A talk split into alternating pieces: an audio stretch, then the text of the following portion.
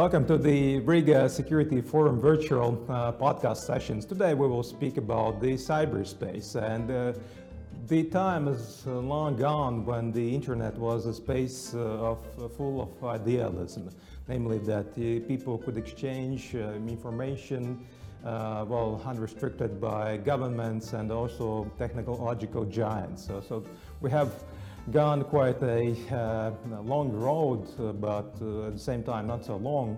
In a matter of two decades or so, we have progressed from basically personal computers without internet connections uh, or dial-up connections to the current state of affairs.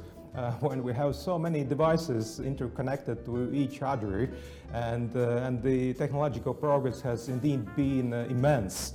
And uh, today we will discuss uh, two main uh, worrying trends about the governance of cyberspace and cybersecurity. So the first one is the uh, fragmentation of the cyberspace, which is essentially driven by autocracies around the globe.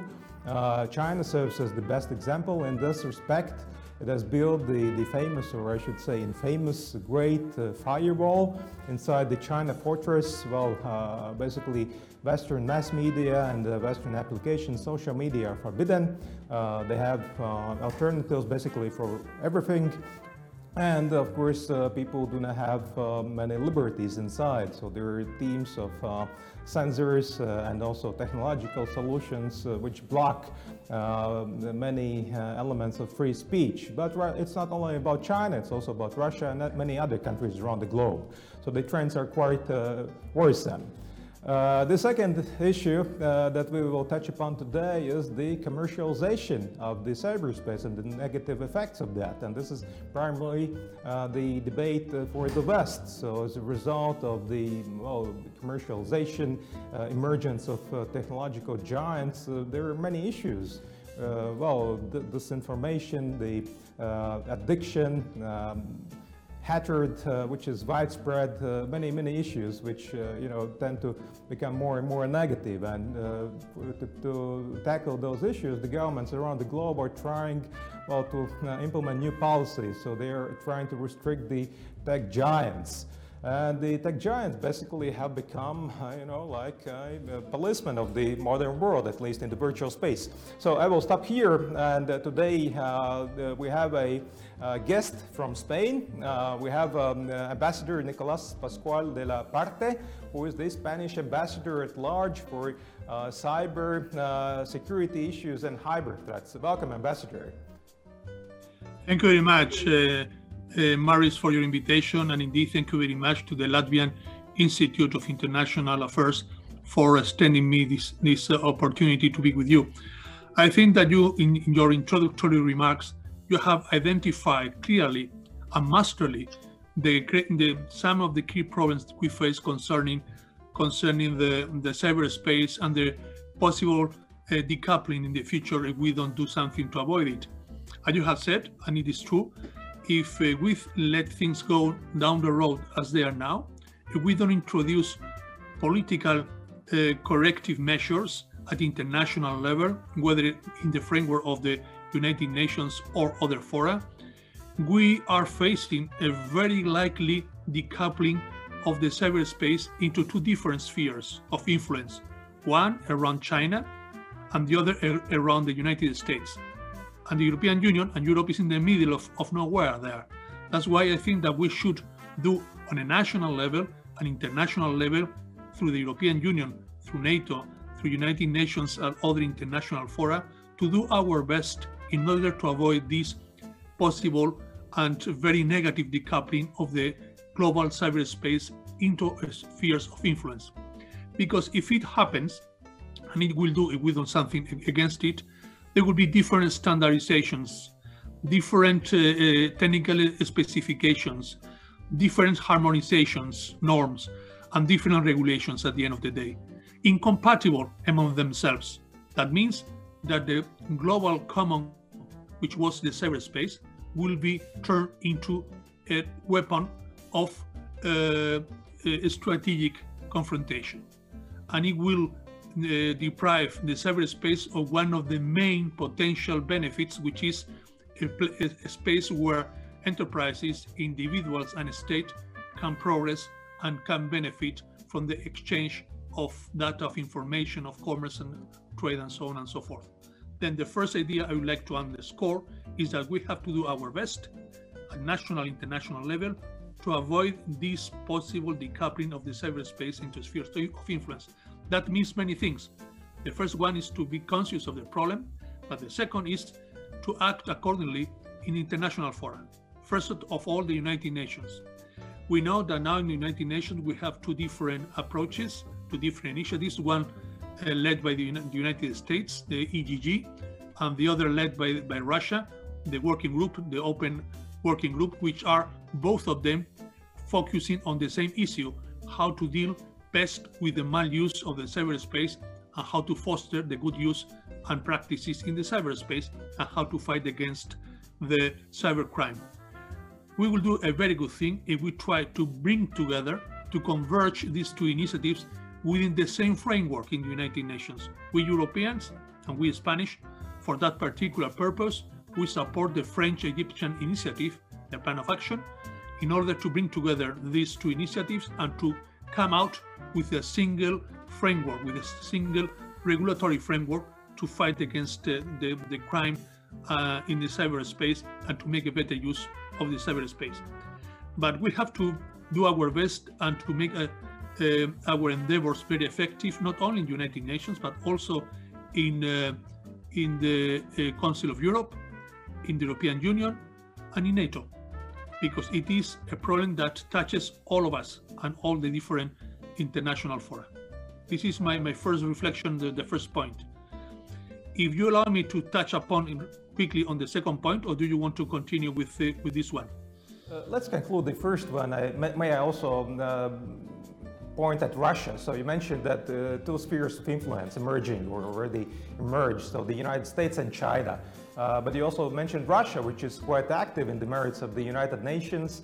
Well, also inside Russia, uh, censorship is rife and uh, they are promoting their own services like uh, RuTube, which might you know become an alternative for YouTube. You know they have own uh, their own uh, global navigation system, the GLONASS. Uh, search engines, so on and on. So there are many activities inside Russia. So uh, what, what about Russia in this global constellation? Thank you. Thank you very much. Uh, it's a, it's a very, very smart question.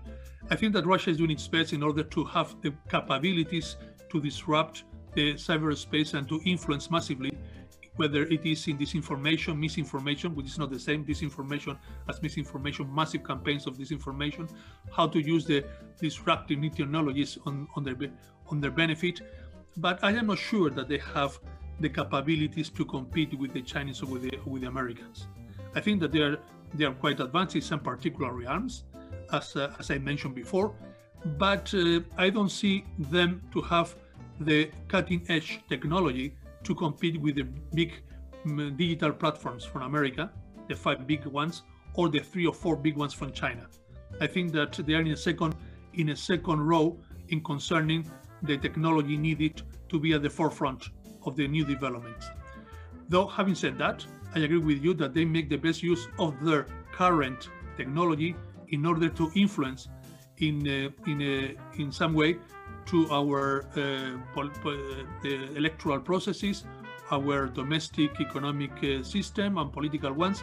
And I think we had to be prepared for that as well. But but it is another division. It is another league. It's not the Champion League. The Champion League has two main players, U.S. and China. The second league, not the Champion League, would be Russia, and, and Europe. We have to decide where we want to be. Hmm? Thank you so much for you know putting things in, in, in, in quite attractive terminology. Uh, but uh, one more question on the, the first uh, part. So you mentioned there are many initiatives, uh, and of course the, the West, the United States, the European Union is striving you know to defend its principles in the you know the cyberspace.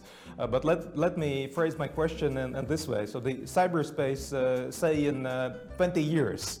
Uh, will it be more fragmented or rather uh, the, the, it, it, will go the other way? You know, maybe it will merge in some um, ways or so on. So, so what's your take on that? It's a difficult question to answer because I have not the crystal ball here to see how things will develop within 20 years. But let me only tell you that uh, if we want to put it uh, in, in, in short terms, I think that China put the state at the center of the technological development. The state is the great st- uh, stakeholder, the main player, and the individuals and the citizens are submitted to the interests of the state.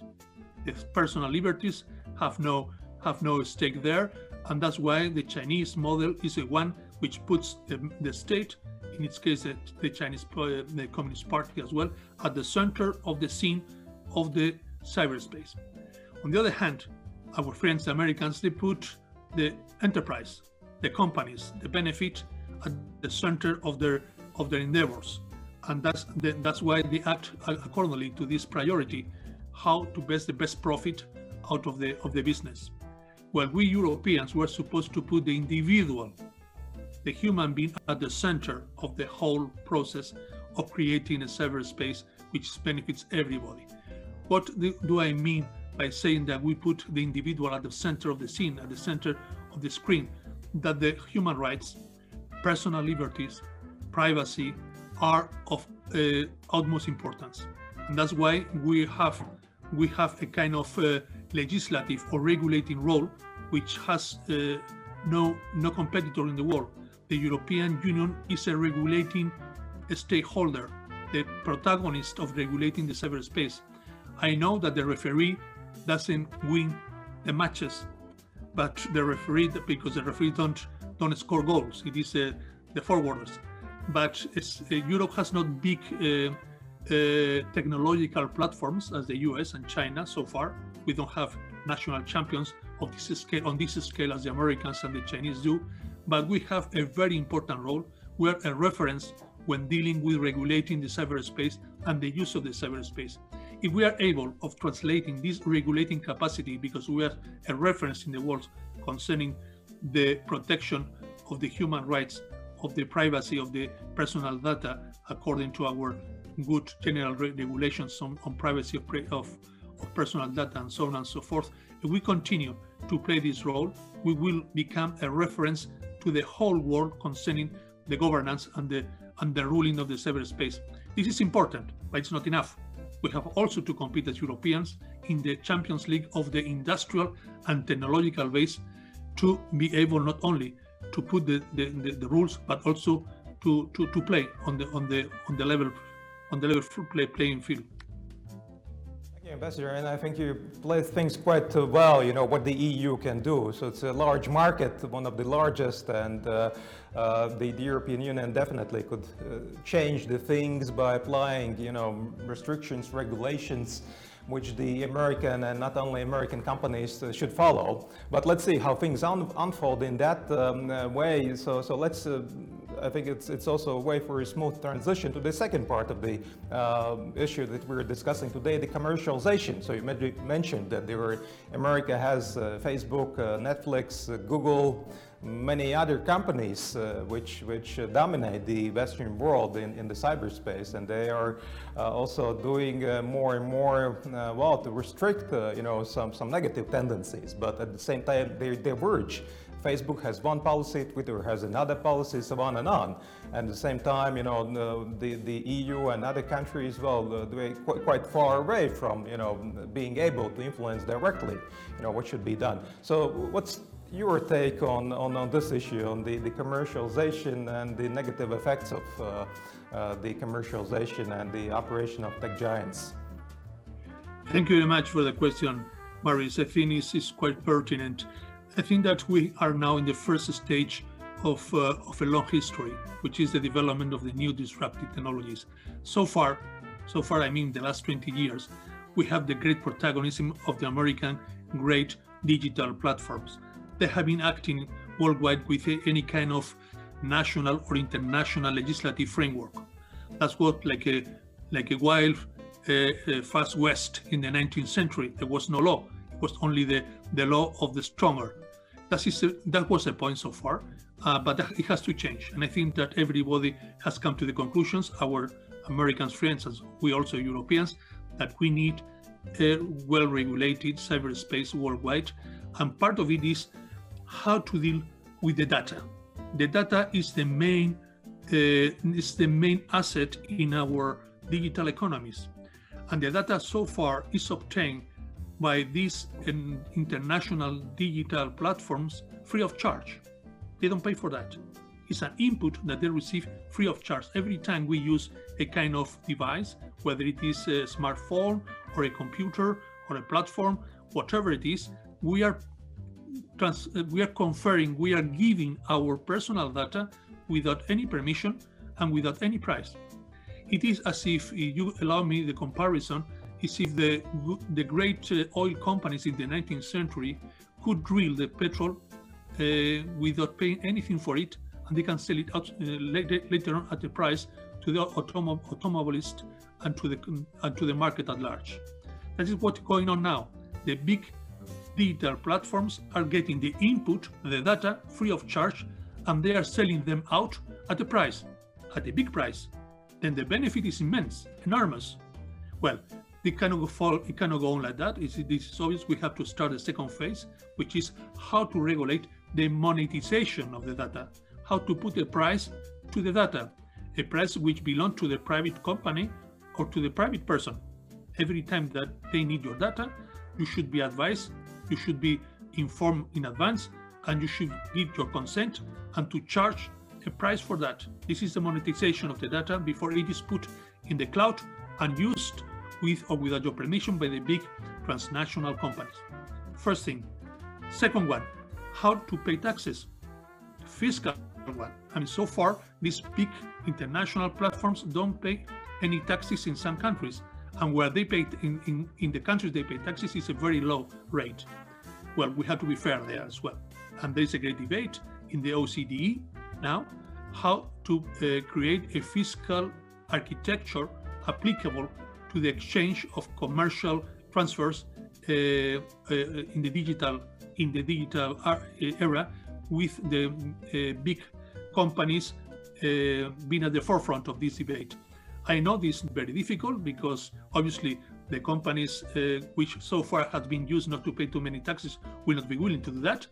That we states we have to be in a position to negotiate with them and with all of us together in the framework of the OCDE and others, uh, other fora, how to to build up a structure of fiscal uh, a fiscal structure on the on the digital companies. Monetization and fiscalization. Thank you. And uh, one more issue as we approach already to the end of this uh, session uh, about the EU companies. So you rightly mentioned, so basically currently, you know, two centers of gravity, the US and China. So they both have uh, tech giants, uh, both hardware and software. Uh, well, things are different with Europe. And you know, essentially nowadays, you know, rule uh, those who have uh, tech giants in a way, you know, the cyberspace. And it's, it's not only about you know the way we communicate and about texting and so on. It's also about security.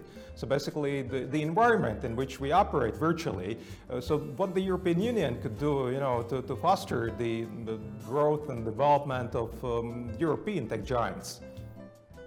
I think that first, uh, well, it is a, a difficult question because, uh, first of all, the European Union should take conscience, be conscious of the importance we can play as a stakeholder, as a global stakeholder. First of all, we should take on and assume our responsibility. And I have said before, we are very good in regulating, we are very good in setting standards, legal standards for the cyberspace. We should also develop a second strand of action, which is how to create a competitive industrial and technological European base. That is the point of your question. Of your question. We have some companies, you know them, uh, Nokia, Ericsson, and others, which are of great importance, obviously, but perhaps they cannot compete in the Champion League with the big, big, uh, with the biggest international platforms. I think that we should uh, use our our best knowledge in order to create a European a European cloud to begin with, uh, there is a project called Gaia X, which is a project uh, initiated by, by, France and Germany in order to set up a, a, European cloud in which all the European companies could participate and join in. I think that we should foster this initiative. We should also foster the computing, the, the computing, uh, the data, the, a European-wide computing laboratory, uh, which uh, quantum computing application should be developed and not depending on other quantum computing breakthroughs. We should also have our European uh, capacity for developing in some sectors in which the Chinese and the Americans are not so far away from us. I think that here, if you allow me one, one minute, we should be selective. We cannot compete with Europeans, with Americans, and with the Chinese in all the fronts at the same time. In some of them, they have already uh, got, got a very, very big advantage. We cannot catch up so quickly with them. Then it is for us to identify the concrete sectors and uh, a niche, market niche in which we still can compete with them and even advance them in trade, in commerce, in energy, in um, in culture, uh, and so on and so forth. We have to identify them, and we should go for it and try to build up European-wide uh, in, in digital platforms. Right, and uh, maybe the last point uh, on NATO, because this is Riga Security Forum. So, uh, well, it's it's it's uh, not a secret that there are five um, well domains of warfare, and, and cyber is one of them. Of course, NATO has acknowledged uh, that. Is there anything that NATO can do more, uh, you know, in, in, in the management of cyberspace, something more than it's already doing? Well, as you know, you haven't said uh, correctly so that uh, cyberspace has become one of the fifth operational um, um, uh, operational fields of, of NATO. Uh, the problem with the uh, digital pledge, which NATO is uh, modernizing, updating, we have come now to an agreement to include the new digital pledge in the new strategic concept of NATO to be approved in the Madrid summit next year in June 2022. It's part of it, part of the new uh, strategic concept of, of, NATO will be the new digital pledge. Uh, this is one point, but uh, if I if I if I want to be honest, and I will be honest with you, I think that one of the problems that NATO is facing as a whole is that NATO is a defensive. It's a defensive fora. It's a collective security defensive fora. It's not offensive one. That's why when we are dealing with cyber attacks, with cyber incidents, with uh, use mal, uh, mal, uh, maluse of the cyberspace, ransomware, and so on and so forth, NATO don't have the initiative, has a reactive role in order to prevent, react, and respond to this attack. But once this attack have already taken place, it's too late because it is a defensive approach. And while we are strengthening, as you know, our critical infrastructure, we are exchanging information in order to make stronger our critical infrastructure from cyber attacks. We are exchanging also cap capabilities. But uh, from the defensive point of view, the question is could NATO in the future take up a new approach, a more proactive or offensive approach without going against its statute of a defensive collective security organization or not? Could NATO do that? I think that some member states, some allies, in, in on an individual basis, the US, UK, and others have already said that, that, that they could go their own way when uh, suspecting that they are going to be subject to a cyber attack and to react before they are the victims of this attack. They can do that on a national basis. But the question is could NATO uh, uh, migrate from the defensive approach to a proactive offensive approach? This is a question I put on the table because it is not for me to decide. Yes, of course, and this is, of course, not the end of the history in any way. So there are many issues, uh, well, uh, which which will have to be resolved, and let's see how things will unfold. So th this is uh, point to, to stop this uh, podcast session. Thank you so much, Ambassador, for your insightful views on the the uh, current state of affairs with the cyberspace and also the future. So thank you very much for joining us from Madrid. And, and, and uh, we will, uh, in, in other editions of the Riga Security Forum, we will focus on yet many other issues. Thank you.